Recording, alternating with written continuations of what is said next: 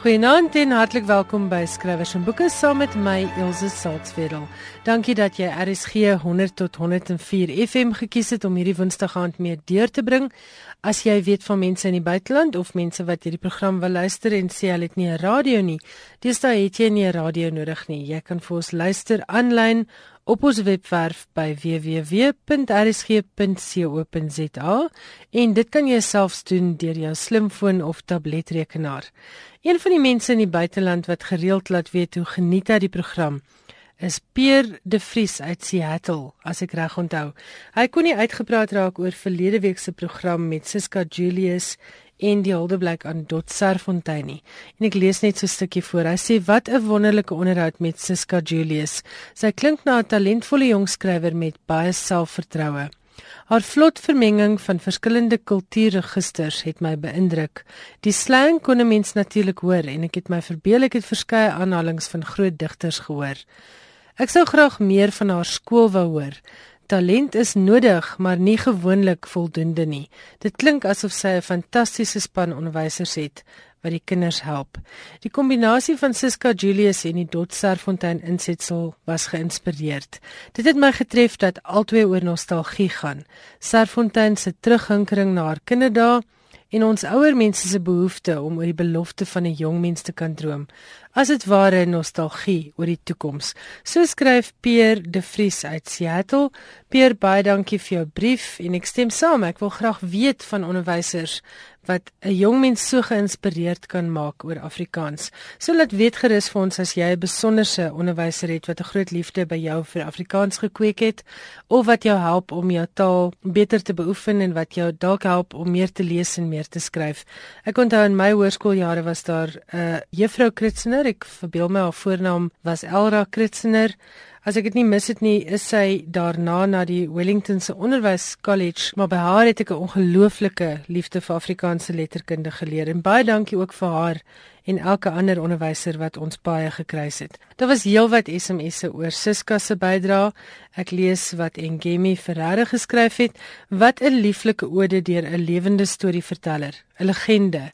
Baie dankie Elsje ook aan Juanita vir haar bydrae oor tot Serfontein. Die jong skrywer se gedig is 'n fonds. Wat 'n lekker skrywers en boeke was hierdie nie. En Johan se bydrae was opwindend met al die teenkanting teen die Charlie Hebdo benoeming. History in the making. So skryf Ingemi Ferreira. Eunice het laat weet pragtige program Elsje, is dit nie moontlik om die gedigte van Siska in 'n nuusbrief te plaas nie.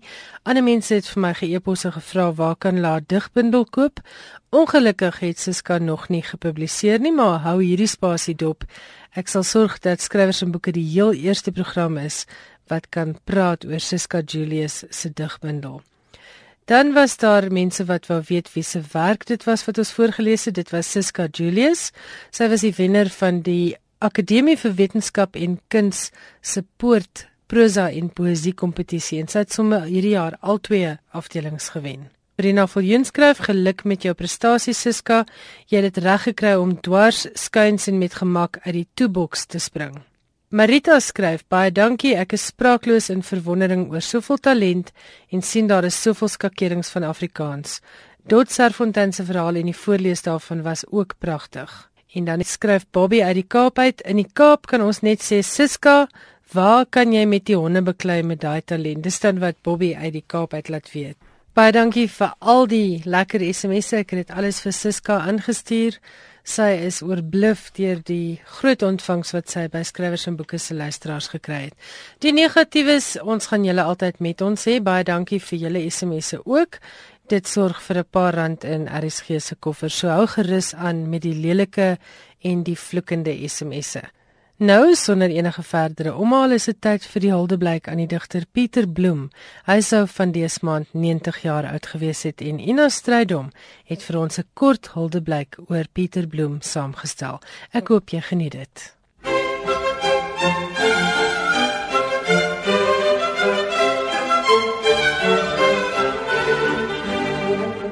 My plaas se naam is Klenbegin. Met God se hulp sal ek oorwin. My plaas se naam is Lavenier. Ek swai my sweep met krag en swier. My plaas se naam is Vyandsvlei. Bierman se rok bly ver van my. My plaas se naam is Skoongesig. En saans maak ek die hortjies dig. My plaas se naam is Rus my siel. Maar voor my draad ek rol 'n wiel. My plaas se naam is Vriendendal.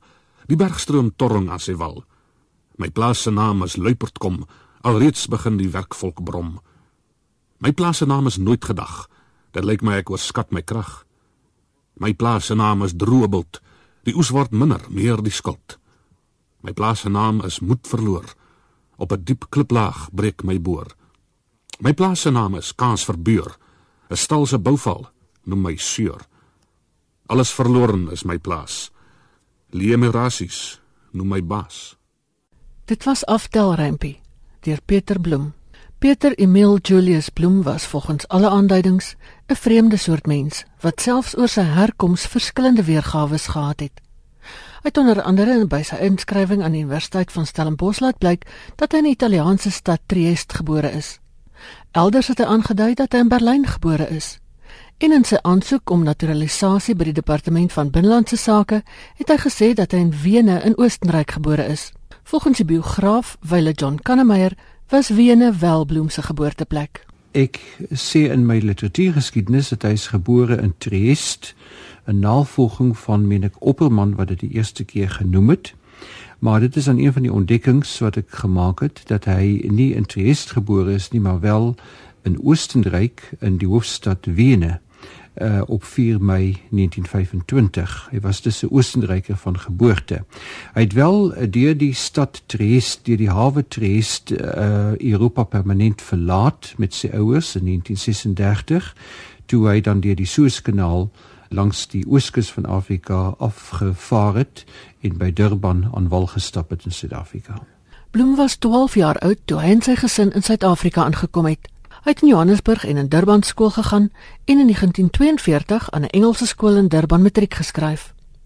In 1943 het hy hom aan die Universiteit van Stellenbosch ingeskryf. John Kannemeyer wie se gesaghebende werk oor Bloem, wat het geword van Peter Bloem, die speurtog na die Steppewolf in 1993 verskyn het, het by geleentheid vertel van Bloem se verstommende beheer van Afrikaans. Uit die dokumente toe tot my beskikking het ek onder die indruk gekom van die ongelooflike intellek wat die man gehad het. Ek bedoel jy kan dit reeds uit sy poesie aflei, dit is nie 'n dom man wat gedigte skryf nie, maar die uh, dokumente getuig van 'n verwysingsveld en van 'n insig in die literatuur uh verder ook van 'n beheer oor Afrikaans wat ongelooflik is. Tydens Bloem se studiejare op Stellenbosch het hy kennis gemaak met skrywers soos Jan Rabie, met wie hy oor baie jare 'n geesdriftige briefwisseling gehad het. Bloem het in 'n stadium sy studies gestaak en na Johannesburg teruggekeer, maar in 1950 is hy weer Kaap toe. En dit was in die vroeë jare 50 wat hy in Afrikaans begin dig het. Soms in die winter as die reën sag stuif op grasperke, dig en diep soos 'n tapuit as hy die rotsige bergreeks wegskuif agter 'n misgordyn. As voor die ruitpopliere, eike en kastanjebome saamvloei en ons versink in blaargroen drome terwyl ons oor 'n ou beskawing lees. Dan gryp die onwerklikheid ons met die loop van waters wat kalmeer. En in die gees vou grys en sat die graafskap Sarri oop. Soms in 'n najaarsdag se skemertyd stap ons in 'n stil straatjie en gewaar deur 'n ou bolig, kunstig uitgesny in vlegtende patroon van druif en blaar. Die lig van verre dae. Ons word gesluk soos deur 'n mond. Die luiterse getik van 'n ou horlosie vervang ons ontstoke harte se ritme in die kamerhoek. En ons gestaltes kwyn tot stywe spooke in die vernislaag van 'n delftse doek. Maar as die bergwind so rukkerig waai, en tussen ons rondkrap soos 'n stok in 'n muursoop. En die palms blaai en is 'n barbaarne keurige boek. Dan is ons rillend buite alle mure wat ons opstapel in redelike ure met doel en plan. Ruik ons droogte en brand en gerug van sprinkaan, aardbewing en oproer op daardie skreeuende binlandse lug. Dan dan weet ons op watter vasteland ons boer. In 1955 verskyn sy eerste bundel Steenbok tot Poolsee. 'n Werk wat wye reaksie ontlok het. Ja, kyk laat die mense dit eers so sien, uh wat Steenbok tot Poolsee betref, toe dit verskyn het, is hy deur belangrike letterkundiges en mense wat uh, in sy oë belangrik is op wie se oordeel hy vertrou het, is hy onmiddellik uh, erken, naamlik deur Opperman in die eerste plek wat die keerders verslag geskryf het. Tweede plek veral deur Lindenberg wat 'n baie belangrike resensie oor uh Sinbok tot Poesie geskryf het in uh, uh die burger se byvoegsel destyds. En ook baie kort daarna deur van Wyk Lou wat 'n radiopraatjie vanuit radio uh, Hilversum Wêreldomroep uh, gehou het. Uh, Lou was destyds professor in Amsterdam. Uh, met ander woorde dis drie belangrike letterkundiges wat onmiddellik die waarde besef het uh, van Bloem se poësie. Maar daar uh, was tog ook met die eerste bundel 'n baie duidelike onbegrip. Sommige belangrike letterkundiges het indertyd geswyg en dan was daar die negatiewe resensie van Kloete in die huisgenoot. Uh maar dan van mindere letterkundiges en mindere kritici was daar 'n geweldige veldtog teen Bloem. Uh naamlik sy poesie is beskou as dekadent. Daar is gepraat van die Meyer kultus wat hy ingevoer het in die Afrikaanse poesie. Dit sou jou miskien interesseer om te weet dat sy daar was ook 'n radioverbod op uitsending van sy gedigte in der tyd. Dit sou 'n bloem van hom kon afskud as mindere ligte ensovoorts. Hy het die steen gehad van van Wyk Lou, Lindenberg en Opperman. Van Wyk Lou het oor Steenbok tot Poolsee gesê: "Ek weet nie of daar al by ons in Afrikaans 'n eerste bundel met meer moontlikhede en meer voltooidheid verskyn het as hierdie een nie. Dit is 'n bundel met tegniese vaardighede, met 'n vat aan Afrikaans wat verbaas." met 'n register van motiewe en met 'n onafhanklikheid van Afrikaanse voorlopers so selde in die Afrikaanse letterkunde. Bloem se tweede bundel Enklawes van die Lig het in 1958 gevolg, na 'n redelike gesukkel om 'n uitgewer te kry, iets waaroor Bloem baie teleurgesteld was. Maar toe het die ding die die werklike literêre skeur het dan gekom met uh die voorlegging van Enklawes van die Lig sy tweede bundel wat uiteindelik in 1958 uh, verskyn het. Opperman was destyds in Europa uh, op reis en in sy afwesigheid het JDP Skols die bundel gekeer en hy het vasgelees teen die snaakse woorde uh, wat uh, Bloem gebruik, die baie neologismes. Daar was 'n vertraging met die uitgawe. Uiteindelik het Opperman teruggekom, die bundel gelees, die manuskrip gelees en uiteindelik tog met Skols akkoord gegaan. En dit was eintlik eh, vir Bloem 'n geweldige slag want eh, in die verlede het hy eh, die grootste vertroue gehad in Opperman se mening en hier uh, het sy eintlik 'n konfidant nou gevoel maar hierdie bundel is ook nie uh, sterk genoeg nie. Dit het dan ook gelei tot 'n totale breek met Opperman. Maar soos jy dan aan die begin gesê het agterna gesien, is hy tog uiteindelik goed behandel want uh, daar is steeds nog bestendige aandag aan sy werk. Ek dink sekerlik dat sy poesie word nog behandel aan universiteite. Jare lank het Opperman ten spyte van die dispuut destyds het Opperman sy bundelsteen tot Poolsee behandel uh, aan die Universiteit van Stellenbosch en hy sou in Klawes ook behandel het indien dit in die handel verkrygbaar was. Hulle wil my nie kwes nie. Maar ek kom agter dat hulle harder praat ter wille van my. Want sodra ek my rug draai, praat hulle sagter en my aandeel in die gesprek vergly in 'n onbestemde ruising. Snags by duister wanneer klein geluide groei, laat ek my streel deur water wat ver weg vloei, 'n kraan wat fluister. En ek weet nie of ek dit my verbeel. Vertroude stemme is nog helder en skoon. Maar miskien net omdat ek die gehoorde kan takseer volgens toonkleur en met al my kennis van gevoel vir die persoon omdat vertroudes kan klaarkom met min woorde. Ook daarom. Later sal selfs dit wegval. Van Bloem se ander werk, onder meer briewe, is in Kannemeyer se biografie oor Bloem vervat. Daar is die Apollinaire gedigte wat oorspronklik bedoel is as 'n uh, eh, laaste gedeelte van die bundel Enklaves, maar wat die uitgewer destyds nie uh, wou publiseer nie omdat die bundel te duur sou maak. Indien dit opgeneem was, sou die boek uh, presies die patroon, die struktuur uh, gevorm het van uh, Steenbok tot Poolsie. Jy sal onthou Steenbok eindig met die Baudelaire vertalings en uh, die pendant daarvan in hierdie bundel uh, en klawes sou dan gewees het uh, die Apollinaire vertalings. Maar afgesien van die gedigte ander verspreide gedigte wat ek ook opneem, gedigte wat nog net ook in manuskrip bestaan. Daar's byvoorbeeld 'n kunsonderwyseres oor sy vrou wat 'n uh, baie geslaagde sonnet is. Afgesien daarvan is dan ook van sy prosa stukke. Die uh, toppunt sou ek sê die hoogtepunt van sy prosawerke is wat hy is in standpunte gepubliseer het hoe ek dekadent geword het.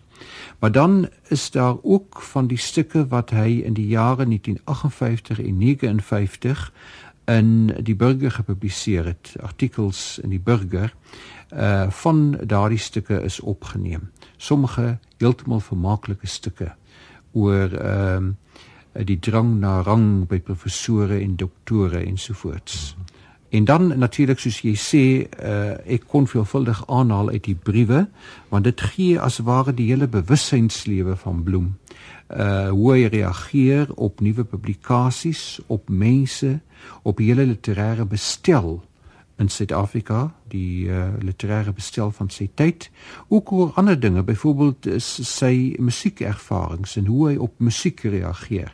Dis werklik 'n uiters boeiende verhaal. En dan op 18 Mei 1960 vertrek Bloem en sy vrou Hetta na Londen. Nie een van hulle vriende of kennisse het van hierdie besluit geweet nie tot dusver uh, was die meeste mense wat ehm um, briewe en kaartjies van Bloem ontvang het uit Londen waar hy sedert 1960 woonagtig was, was almal onder die indruk dat hy om politieke redes Suid-Afrika verlaat het want daar was 'n duidelik in die briewe en in die kaartjies 'n haat toenemende haat teen Suid-Afrika en dat dit dan om politieke redes was. Nou uh, ek meen dit is een van die dinge wat ek kon vasstel dat daar was natuurlik wel politieke animositeit. Hy was geen bewonderaar van die regime nie, maar uh, uh, onderliggend aan alles lê naamlik die feit dat hy by twee geleenthede om burgerskap aansoek gedoen het en dat daardie burgerskap nie aan hom verleen is nie. Al die ander dinge, byvoorbeeld sy dispuut met uh, belangrike letterkundiges en uh, skrywers van formaat van sy tyd dit alles kon meegehelp het. Maar die primêre ding is die burgerskap kwessie dit was nie net die einde van bloem se verblyf in suid-Afrika nie maar dit was ook die einde van 'n kreatiewe era in sy lewe. Wat ek kon uitvind is dat aanvanklik het bloem uh, oor see vertrek met die geld van 'n erftante En aanvanklik het dit goed gegaan. Hy en sy vrou kon heelwat reis in verskillende Europese lande. Hulle was byvoorbeeld by herhaling in Dublin in Ierland, Portugal, Spanje het hulle besoek, Nederland, Frankryk ensovoorts en hulle het ook heelwat in Brittanje self rondgereis, uh, byvoorbeeld kerke besoek, nie dat Bloem godsdienstig was nie, maar hy was geïnteresseerd in die argitektuur. Dergelike reise het hulle onderneem. Maar geleidelik natuurlik het die geld al hoe minder geword. En uh, uit desperaatheid moes Bloem later aan in uh, werk aanvaar as klerk uh, by die munisipaliteit van Hounslow uh, dit is buitekant uh, Londen uh, maar uh, nog deel van die groter Londen naby die uh, lughawe en uiteindelik moes sy vrou ook gewone huiswerk doen by mense ten einde 'n bietjie geld in te kry. Uh later van jare het hy afgetree en het hulle bloot van die ou mens pensioen gelewe. So dit was eintlik 'n finansiëel haglike toestand. Ook die huis waar hy uiteindelik gewoon het, is in 'n nie 'n goeie buurt van Londen nie. Ja. Uh Bloem het voor sy vertrek uit Suid-Afrika 'n roman in Engels voltooi en ook 'n aantal kortverhale in Engels geskryf. Wat daar gaan van geword het, weet niemand nie. Indien dit nog bestaan, dan moet dit in daardie kamer wees waar die Bloems die laaste jare gewoon het of hy in Engeland geskryf het, uh weet ons ook nie. Ek uh, het wel die vermoede hy het probeer. Soos hy trouens voordat hy in Afrikaans begin skryf het ook in Engels in Suid-Afrika geskryf het, maar die Engels in Engels kon hy daardie idioom nooit kry nie. In Afrikaans het dit geluk. En ek wil amper sê dat hy het daardie klein enklawe van die lig daardie enkele fase van helderheid gehad voordat die duister weer toesak aan die einde. Die jare in Brittanje lyk vir my uiteindelik is skepend gesproke jare donkerte. Daar het niks niks bestendig uit voortgekom waarvan ons weet nie. Mag dit behoue bly. Mag dit behoue bly soos dit nou is. Hierdie ou hoekie van die woonbuurtuine met sy beskeie huisies agter heininge van ragwerk eyster of oleander met sy stoepies gelyk en uitgerus. Nes koffietannies mag hier niks verander. As ek terugkom wil ek jou boelig nog as lanternglas om die gloeilamp waan en al die vars geverfde hortjies dig. Maar agter liefde stil voltrek word saans wat ook al buite dreig hier is dit warm. Dof klink die buitewêreld se geraas. Niks ergers dan die koddige alarm as die viskramer op sy beeltjie blaas. As jy hulle gewaarsku, het hulle dit gehoor. Slegs een keer het die tyd se stroom gestol vir twee menaars. 'n Stad se vorm, helaas, verander vinniger dan 'n mens se hart wat ou posture kan vaslê. Versmoor in soene en as albei gloeiend, bedolwe in omhelsing, kan hulle alles start wat onbestendig is met moetelose konsentrasie hou hulle die liefkosing vir al ons vlugtiges deur alle tye spanningloos net in mekaar verward. Stabiai Herculaneum en Pompeii julle stede aan verwording skoon ontruk. Leer ons om so konstant te wees in ons eie stadsplan en so getrou aan ons geluk sonder dat ons so skielik uitgeblus moet word. Ons kele van die asvrug stik gun ons rypwording in voldane soeye. Mag dit behoue bly soos dit nou is. Peter Bloem is op 5 Desember 1990 oorlede na 'n beroerte. Hy sou vanjaar 90 jaar oud gewees het. Die programme saamgestel met dank aan Karen de Tooy van die SAIK se klankargief. Die stem van Wile John Kannemeyer is gehoor en die gedigte is voorgeles deur Marco van der Kolf en Nick de Jager. Die samesteller en aanbieder was Ina Strydom.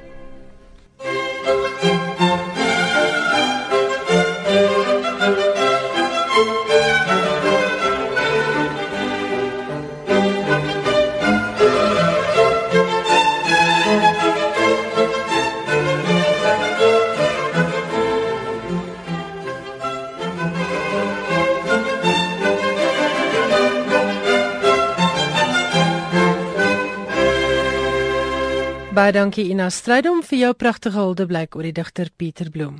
Jan Meiburg, welkom in die ateljee. Jy het vir ons weer 'n klomp lekker nuus oor die internasionale letterkunde. Baie dankie. Onlangs het die Financial Times en Oppenheimer Funds 'n prys aangekondig vir opkomende stemme.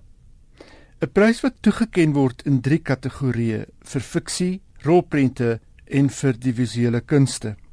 Elke kategorie wenner kry net minder as 'n half miljoen en publisiteit in FT. Een van die bepalinge van die kompetisie is egter dat die skrywer van Afrika of die Midde-Ooste moet wees, die rolprentmaker van Asië of die Stille Oseaan gebied en die visuele kunstenaar van Latyns of Sentraal-Amerika. Wat onmiddellik die wenkbroue laat lig en 'n hele paar vrae by 'n mens oprakel. Sover dit boeke betref, kon uitgewers die werk van skrywers inskryf vir die prys. Die sperdatum was die einde April. En so die uitgewer van ICU, die jongste boek van die Suid-Afrikaanse skrywer Ishtak Shukri, die roman ingeskryf vir die prys. Shukri was onbewus daarvan totdat die organiseerders van die prys hom genader het om bewys te lewer van sy nasionaliteit. Dis toe dat hy besluit het om sy boek aan die kompetisie te onttrek. Die redes vir sy onttrekking het hy onlangs op die webwerf Africa is a country uiteengesit. Ek haal hom aan. Terwyl kunstenaars na die hele wêreld uitreik deur middel van hul kreatiwiteit, kom verdeel die prys die kreatiewe wêreld in arbitreëre kategorieë waarmee hulself vorendag kom. En hy vervolg Slegs skrywers, rolprentmakers en kunstenaars van lande met 'n ontluikende mark kom in aanmerking. Volgens die organiseerders word die lande bepaal deur die metode van die Wêreldbank Atlas. Om spesiale kategorieë te skep vir armer lande en boonop die nasionale inkomste te gebruik om dit te regverdig, is nie aanprysing nie, dis kleinerend. As ons dan 'n internasionale prys moet hê, sê hy, laat dit inderdaad wêreldwyd wees, oop vir kunstenaars van alle lande, ongeag die lande se ekonomiese vermoë. Laat die werk in 'n gelyke arena meeding. Shukri was in 2005 die eerste wenner van die Europese Unie Letterkundeprys vir sy roman The Silent Minaret. Dis vir my 'n baie interessante verdeling. Wat dink jy daarvan? Uh, toe ek dit gesien het, uh, toe die persverklaring uitgekom het, mense is bly oor pryse as aanmoediging, maar my persoonlike gevoel is dat mense partykeer begin wonder of die prys werklik die kunste wil steun en of dit 'n bemarkingsfoefie is. Ja, in hierdie geval kan mens beslis nie help om te wonder daaroor nie. Nog nie, Johan. Die getekende eerste uitgawe eksemplaar van Gabriel Garcia Marquez se 100 Years of Solitude wat vroeër van dese maand verdwyn het toe dit uitgestal is op 'n boekeskou in Bogota, is deur die Kolombiaanse polisie opgespoor. Die waarde van eerste uitgawe eksemplare van die Nobelpryswenner, ook bekend as Gabo, het die hoogte ingeskiet na sy dood verlede jaar.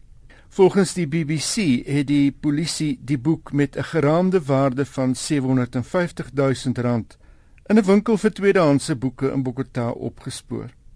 Alvaro Castillo, die eienaar van die boek en 'n handelaar in seldsame boeke, het die 1967 uitgawe in 2006 in Montevideo gekoop en dit later deur Garcia Marquez laat teken. Die inskripsie voorin lees: aan Alvaro Castillo, die ou boekhandelaar. Soos gister en vir altyd, jou vriend Gabo. Castillo het gesê die boek het dalk 'n geldwaarde, maar dit vir hom iets is wat nie in geld gekoop kan word nie. Ja, want as hy daarvan ontslawe raak, het hy dit seker lankal verkoop. So mens verstaan die sentimentele waarde. Het jy terugvoer oor die penpryse? Ja, die Pen American Center het toe verlede week sy prys vir vryheid van uitdrukking aan die Franse satiriese blad Charlie Hebdo oorhandig. Daar was, soos ons voorheen gesê het, heelwat teenstand teen die besluit van Pen America en verskeie skrywers het die geleentheid geboikot.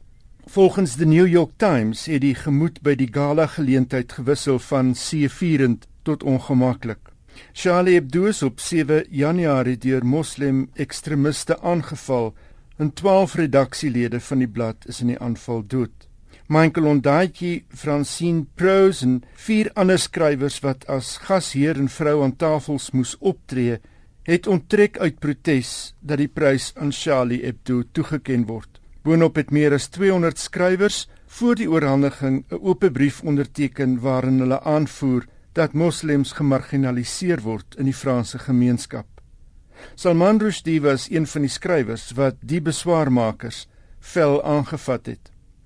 By die oorhandiging was daar uiteraard oorweldigende steun vir Charlie Hebdo, miskien omdat die beswaarmakers nie daar was nie.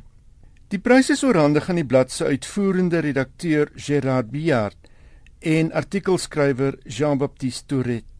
In sy toespraak het Bejaar onder meer gesê enige landsburger leer mettertyd dat sommige gedagtes, woorde, beelde skokkend kan wees. Om geskok te word is deel van demokratiese debat, het hy gesê. Om geskiet te word is nie. Ja, en dan het jy nuus oor 'n nuwe aangrypende memoir. The Iceberg 'n memoir deur die Britse skrywer Marion Coetzee is pas met die 2015 Wellcome Prize bekroon. Die prys word toegekend aan fiksie of nie-fiksie met medisyne, siektes of gesondheid as sentrale tema. Coetzee se boek handel oor die laaste 18 maande van die lewe van haar man, die kunskritikus Tom Lubbock. Hy is in 2011 dood aan 'n breingewas. Lubbock kunsresensent vir die Britse Independent. Het begin boekhou van sy agteruitgang en na sy dood in 2012 is die gewaarwordinge uitgegee as Until further notice I'm alive. 228 gediagnoseer is, het Koets ook haar eie aantekeninge bygehou En dit het later gestalte gegee aan die poëtiese memoir The Iceberg. The Iceberg, soos until further notice, is twee fyn tekste wat bydra tot 'n literatuur van doodgaan. Iets wat Labbok soos Bertolt Brecht voor hom bepleit het. In die woorde van Brecht, hoewel die suiwer biologiese dood van 'n individu vir die gemeenskap van min belang is, is dit belangrik dat 'n mens geleer moet word hoe om te sterwe. Dit klink na 'n memoir wat 'n mens gerus kan lees in hierdie tye waarin ons in Suid-Afrika debatteer oor genade dood of nie. Ek sal dit graag verlees. Dis ongelooflik persoonlik geskryf. Al twee die boeke dink ek is het het, het 'n groot bydrae tot daardie gesprek. Van 9 tot 13 Junie vind Poetry International Rotterdam in die Nederlandse stad plaas. Dis die 46ste keer dat die poesiefees aangebied word. Benewens die werk van gevestigde Nederlandse digters is verskeie soos Poetry International se webwerf dit stel nuwe en oorspronklike digterstalent van oor die hele wêreld genooi vir die fees. Onder hulle is die Baskiese digter Arkaits Kanu en die Zimbabwese digter Togara Muzanenhamu. Voorlesings is seker die hoogtepunt op elke dagprogram.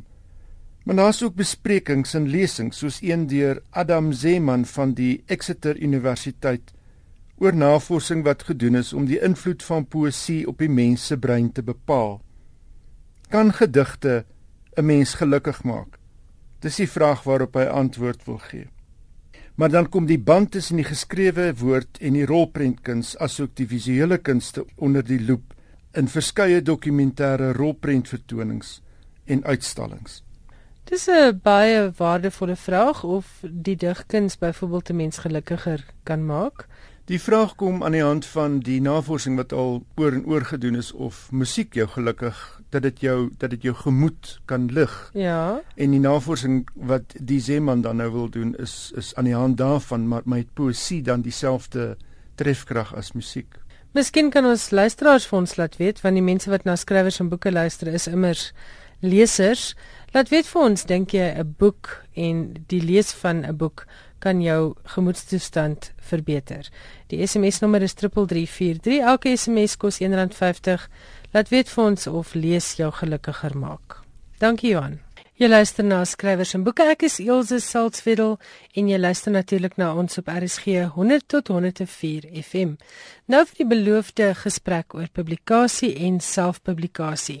Ek het drie kenners in die Kaapstadse ateljee, dis Suzette Kotse Meiburg, Louis Estreisen, digter en boekhandelaar en Rihanna Barnard, 'n uitgewer by NB Uitgewers. Ek gaan dat hulle self sê wat hulle doen. Suzette, kom ons begin by jou. Ek het in die uitgewersbedryf gewerk vir 9 jaar en toe het ek vryskut begin werk en ek werk nog steeds hoofsaaklik vir die uitgewers. My uitgewerswerk is hoofsaaklik redigering, maar ek doen ook die ander goed soos proefleeswerk en dan doen ek ook baie manuskripkeuring vir die uitgewers. So as manuskripkeerder help besluit jy oor watter manuskripte het die potensiaal om gepubliseer te word en as redigeerder werk jy met heel party groot skrywers se manuskripte. Ek weet jy is redakteur vir groot skrywers soos Chris Karsten, Pat Stamatelos, wie nog? Etienne van Heerden, Irma Venter, Marita van der Vyver, Daleen Matthee se werk het ek meegewerk ensovoorts. Met ander woorde, ons het vanaand hier 'n kenner Ons praat nie sommer met enige boekredigeerder en manuskripkeerder nie. Rihanna, wat presies is jou posisie? Ek is uitgewer by Tafelberg waar ek verantwoordelik is vir publikasies in die fiksie afdeling en ek is nou so byna 18 jaar daar. Met ander woorde, jy werk met meeste van hierdie skrywers se werk, Sala Suzette. Ja, op my lys is Elsa Joubert, Dan Slay, Marita van der Vyver, Eben Venter en dan ook van die meer onlangs gepubliseer soos Maria Leroux en dan doen ek ook altyd die nuwe stemme reeks so ek doen ek doen soms drama, ek doen poesie en ek doen romans. Met ander woorde jy's vertroud met al die groot, genres. groot werk wat in Afrikaans gebeur op die oomblik en al die genres en meeste van die bekendste skrywers. Louis, vertel ons gou-gou van jouself. Wel Ilse sedert 2002 as ek die uh, bestuurder by Protea Boekwinkel op Stellenbosch en uh, danksy die my posisie as boekhandelaar ook betrokke geraak by ander projekte wat spesifiek gerig is daarop om die digkuns te bevorder. So ek's betrokke by versendaba en die soortelike dinge. Nou die rede vir hierdie gesprek wat ons oor 'n paar aande gaan versprei is sodat ons vir luisteraars wat dalk self wil skryf en wil publiseer 'n bietjie leiding kan gee oor wat die mark na soek, wat 'n boekhandelaar na kyk voordat hy 'n boek op sy rakke aanhou en ook dan alternatiewe vir hoofstroom publikasie. Met ander woorde, as 'n uh, uitgewer jou boek afkeur, maar jy is vasbeslote jy wil hom publiseer, waarna moet jy dan kyk wanneer jy na selfpublikasie kyk? Wat se slaggate is daar en wie kan jou help met die proses? Baie dankie Louie en Suzette en Rihanna dat julle hieraan deelneem. Kom ons begin by Rihanna. Rihanna, hmm. waarna kyk 'n uitgewer in 'n goeie boek? Miskien moet ons begin by wat is die taak van 'n uitgewer? Ek dink dis baie belangrik. 'n Uitgewer wil ekonomiese waarde skep deur 'n skrywer se werk doeltreffend na lesers te bring. So daar's drie partye betrokke wat vir die uitgewer belangrik is. Dis die aandeelhouers, ons neem 'n finansiële risiko. Daarbey wil ons skrywer se werk na lesers neem. So ons moet ook kyk na die mark, wat is die mark se behoefte? Wat wil mense graag lees? Dis nie of van ek en my persoonlike hoedanigheid daarom te lees nie. Dit is wat die mark behoefte is en hoe kan skrywers in daardie markbehoefte voldoen. So dit is die raamwerk wat binne uitgewer altyd kyk. Daar's altyd finansiële implikasies, maar daar is ook estetiese of literêre implikasies. Ons wil ook 'n bydrae maak tot ons letterkunde. So waarna ons kyk is dus wat lees mense graag? Wat gee hulle plesier aan die een kant? Aan die ander kant, wat is belangrik? Wat is vernuwend in terme van ons taal? Wat is die stories wat ons moet vertel wat ons almal moet lees? En wie help jou besluit hieroor? Om 'n boek te maak sal Louis en Suzette weet is altyd spanwerk, daar's altyd 'n hele kombinasie van mense betrokke. En ek is natuurlik eerste verantwoordelik vir die sifting en dan is dit miskien belangrik om te sê dat 'n uitgewer is nie 'n skryfskool nie. Met ander woorde, as daar nie genoeg potensiaal is in die manuskrip nie, gaan 'n uitgewer nie 'n leesverslag terugstuur en kommentaar lewer oor gebreke wat verbeter kan word nie. Daar word alleen 'n verslag voorsien as 'n mens graag daardie manuskrip wil uitgee met ander woorde dat jy verder daaraan werk, verder hersienings het. En daar is 'n hele verskeidenheid van keerders betrokke. Daar is mense soos Petra Miller wat al dekades lank by Tafelberg betrokke was. Daar is soms akademici wat 'n mens vra, daar is ander skrywers wat soms kommentaar lewer en daar is baie goeie lesers uh, met 'n goeie agtergrond, soms mense uit die biblioteekbedryf, 'n hele verskeidenheid van mense. Want dit moet uh, in 'n sekere mate objektiewe besluit wees. Dis sal 'n skrywer wat potensiaal het 'n regverdige kans op publikasie kry want jy het 'n hele paneel mense wat dan na die potensiaal kyk en aanbevelings maak alleen die met met potensiaal. As jy met sien dat ons dan gaan jy 'n afkeerbriefie kry en dan gaan ons nie vir jou verder betrokke wees nie, want ons is soos 'n fabriek. Ons is besig om manuskripte te publiseer. So ons is nie 'n skryfskool wat vir mense kan opvoed en daar is universiteite en ander instansies, die ATKV, Litnet, almal het skryfskole en dis waar mense soos Suzette ook baie betrokke kan wees om vir mense skrywers ontwikkeling te gee. Ja, en daar wil ek net sommer vir Madri Victor noem. Sy's iemand wat spesifiek manuskrip ontwikkeling doen wat iets is wat ek baie selde vir enkel persone doen. Ek doen dit gewoonlik my keurwerk en so aan in my keurverslae wat ek skryf is oor die algemeen 'n uh, opdrag van 'n uitgewer. Rihanna, waarna soek jy in 'n manuskrip? Wat is die minimum vereistes? Iemand moet respek hê vir die leser aan die ander kant, so iemand moet klaar gewerk het. Dit help nie jy loop met 'n idee in jou kop en jy stuur vir my ek praat nou van fiksie. Ja. Die fiksie is iets gans anders. Ek kyk basies na twee primêre dinge. Die eerste is, het jy 'n storie om te vertel? En baie mense dink dat hulle eie persoonlike verhaal besonder en uniek is en hulle wil dit graag met ander mense deel. Almal het stories, so ons mense mens moet mooi kyk na die inhoud. Is daar 'n storie? En die tweede moeilike ding is, kan ek daardie storie vertel? En dan impliseer dit 'n hele spul tegniese vaardighede. Met ander woorde, mense gaan sit nie agter jou lesenaar, jy begin by die begin en dit raak al hoe lekkerder en jy skryf tot by die einde nie. Ek dink nie dis 'n goeie strategie nie. Kom ons neem enige ander vakmanskap, 'n skrynwerker. Hy moet weet watter tipe stoele alles moontlik is, hoe kan jy hout voeg en lijm en riempies en wat jy ook al nodig het. So gaan sit 'n skrywer en jy sal sien dat die meeste ervare knap skrywers nie oor hulle self skryf nie. Hulle het navorsing gedoen of hulle skryf oor ander materiaal. So jy gaan sit en jy moet mooi dink oor die struktuur. Dit is ontsettend belangrik Wat is die struktuur waarin ek my verhaal vertel? Want dit het 'n groot impak. Jy moet toneel op toneel intrige skep. Jy weet, die een ding lei tot die volgende. En ook die stem, die verteller stem. Dis nie jou eie stem nie. Jy moet karakters kan laat praat. Jy moet belangrike besluite neem. En as ek nou een ding kan sê na 18 jaar, wat ek dink as ek iets moet uitsonder wat ek dink kan verkoop en wat mense graag wil lees, dan is dit autentisiteit. Met ander woorde, iets uniek met 'n hele stel tegniese vaardighede daarbey. Jy moet weet om tydspronge te hanteer, jy moet weet om karakters te vestig, jy moet weet om karakterontwikkeling te doen. Jy moet intrige plat verstaan.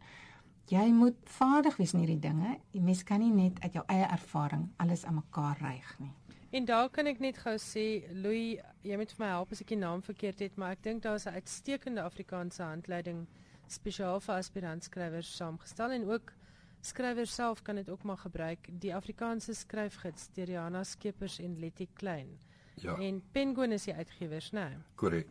En dit is werklik 'n boek wat al daai goed waaroor Rihanna nou gepraat het verken. Die verteller wat in die eerste wat is dit die eerste persoonsverteller, die derde persoonsverteller, die tweede persoonsverteller wat amper nooit voorkom nie, maar in enkele gevalle wel gebruik is. Al daai tegniese goeders word daar op 'n baie toeganklike manier verduidelik. Inderdaad, en wat nog fantasties is van die boek Ilse is dat dit uh, betrek elke genre. Ehm um, ja. jy weet of hy 'n essay skrywer is of 'n rubriekskrywer of uh, lirieke, jy weet vir liedjies of ja. drama. Al die al die genres is in hierdie boek en dan het hulle verskillende kundiges gekry om oor hierdie genres te skryf, jy weet, uh volgens bepaalde temas. Ja, want elke genre het mos sy eie reëls. Jy ja, en ek wil ook daarbey aansluit Elsje, mense wat uh, wil skryf en wat dan hopelik ook daarom kan skryf.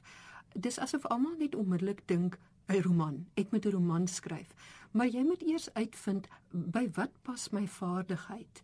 Is ek werklik 'n romanskrywer of moet ek liewer die kortverhaal probeer of moet ek eintlik verkieslik baie beskeie begin by 'n tydskrifverhaal en van daar af aanbeweeg. Jy weet die meeste mense begin op die mees ambisieuse plek met fiksie en dit is amper hulle wil die groot Afrikaanse roman skryf en ehm um, en hy is eintlik al kan... verskeie kere geskryf. Hy is al en hy gaan ook nog verskeie ja. kere geskryf word. Ja nee, dis soos Rihanna gesê het, dis 'n dis 'n ambag. Jy weet en jy moet jou ambagskap voltooi. Jy moet daai tegnieke leer en bemeester. Maar ek is bly om te hoor almal begin by fiksie.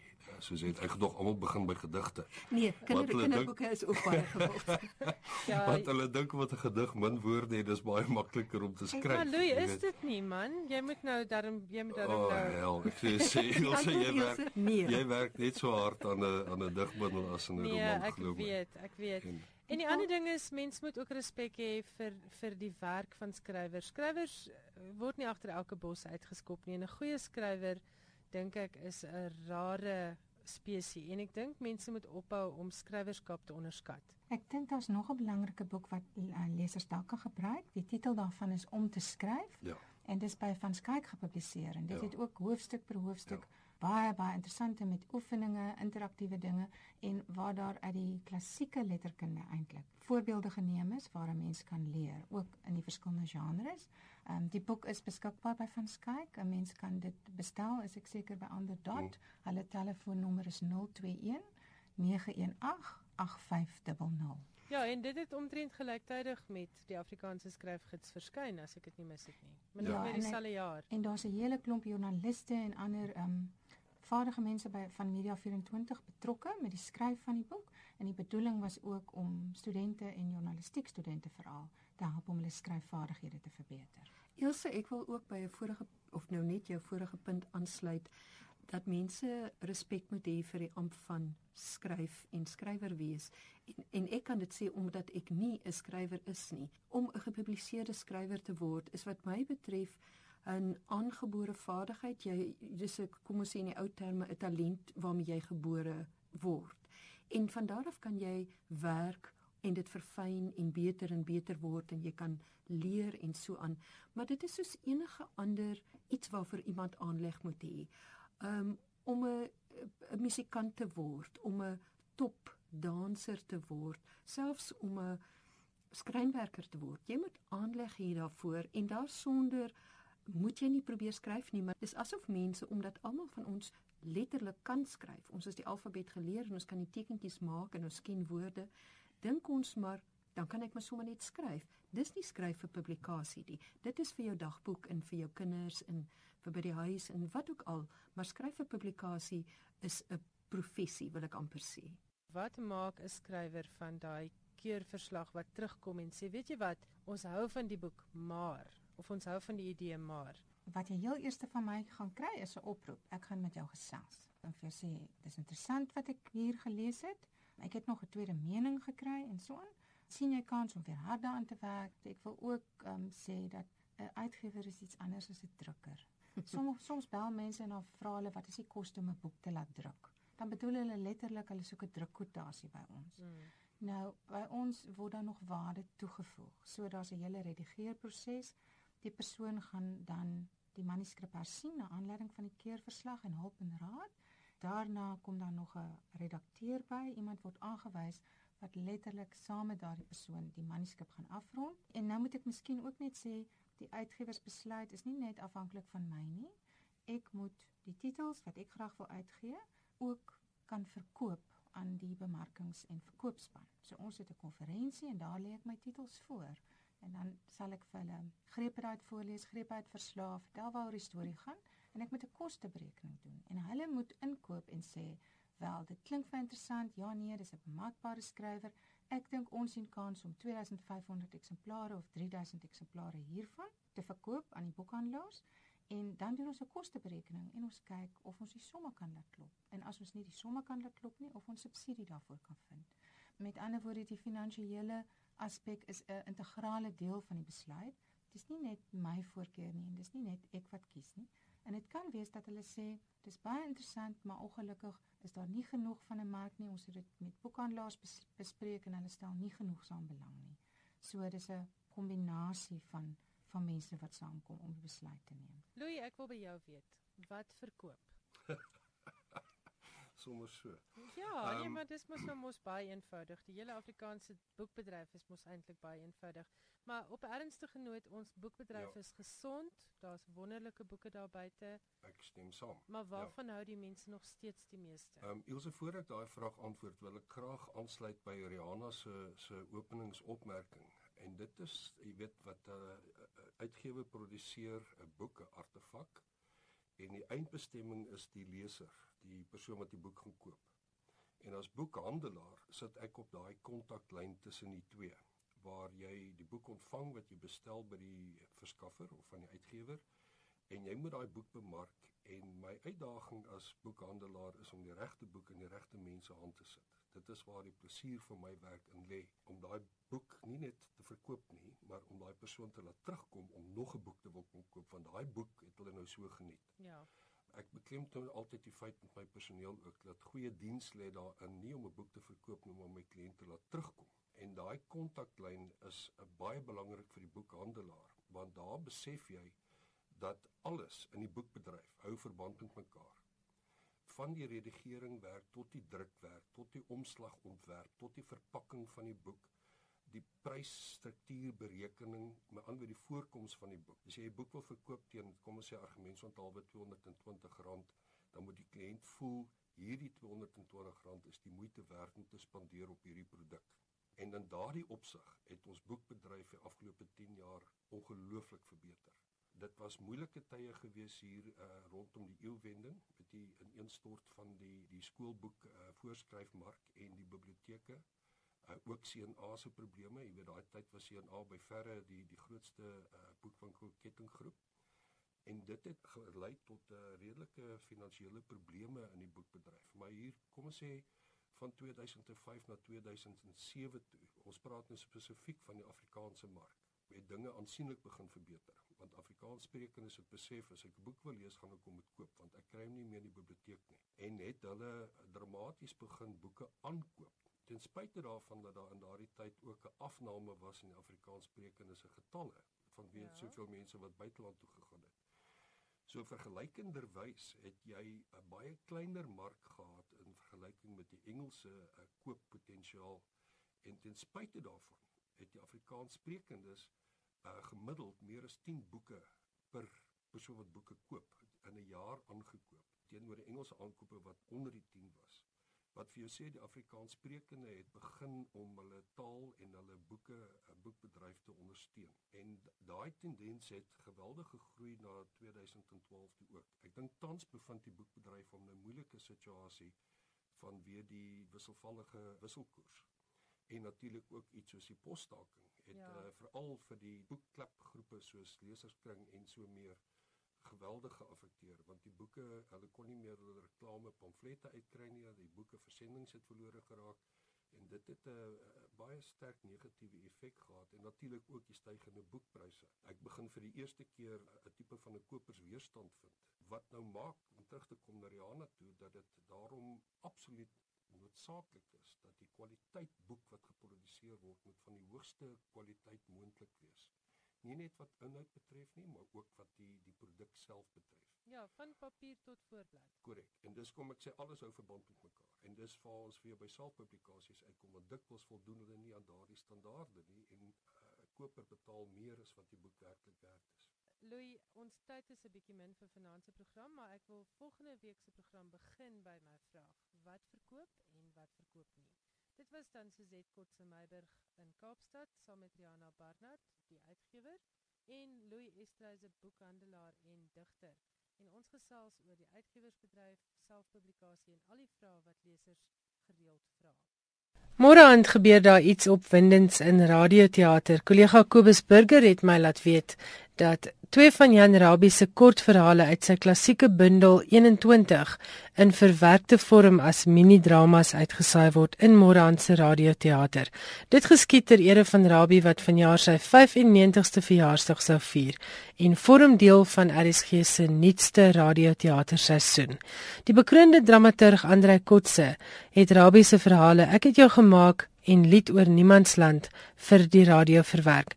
Onthou dus om môre aand om 8uur in te skakel vir Radio Teater, dan luister ons 'n bietjie na Jan Rabie. Hier is so klein voorsmaakie.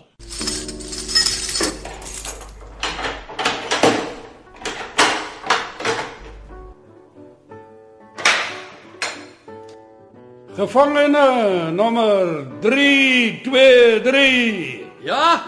Wie is jy? Juffrou Strela. Dis hy, die stil een met die gitaar. Kom. Bring al jou goed. Jy gaan huis toe. Ja, en vat jou gitaar saam. Ek is moeg vir jou getokkel.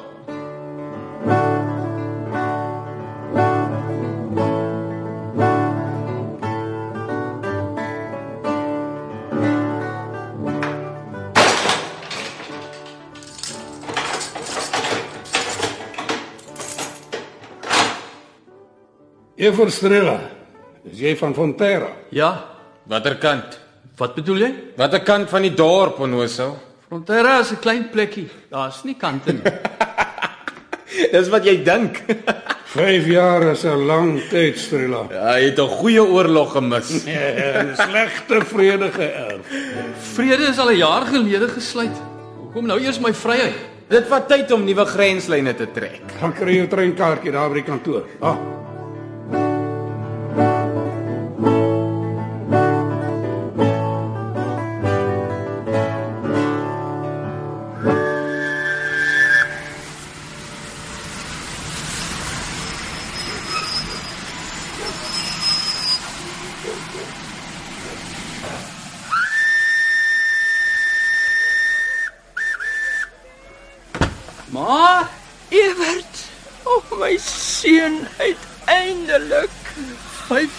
Ma.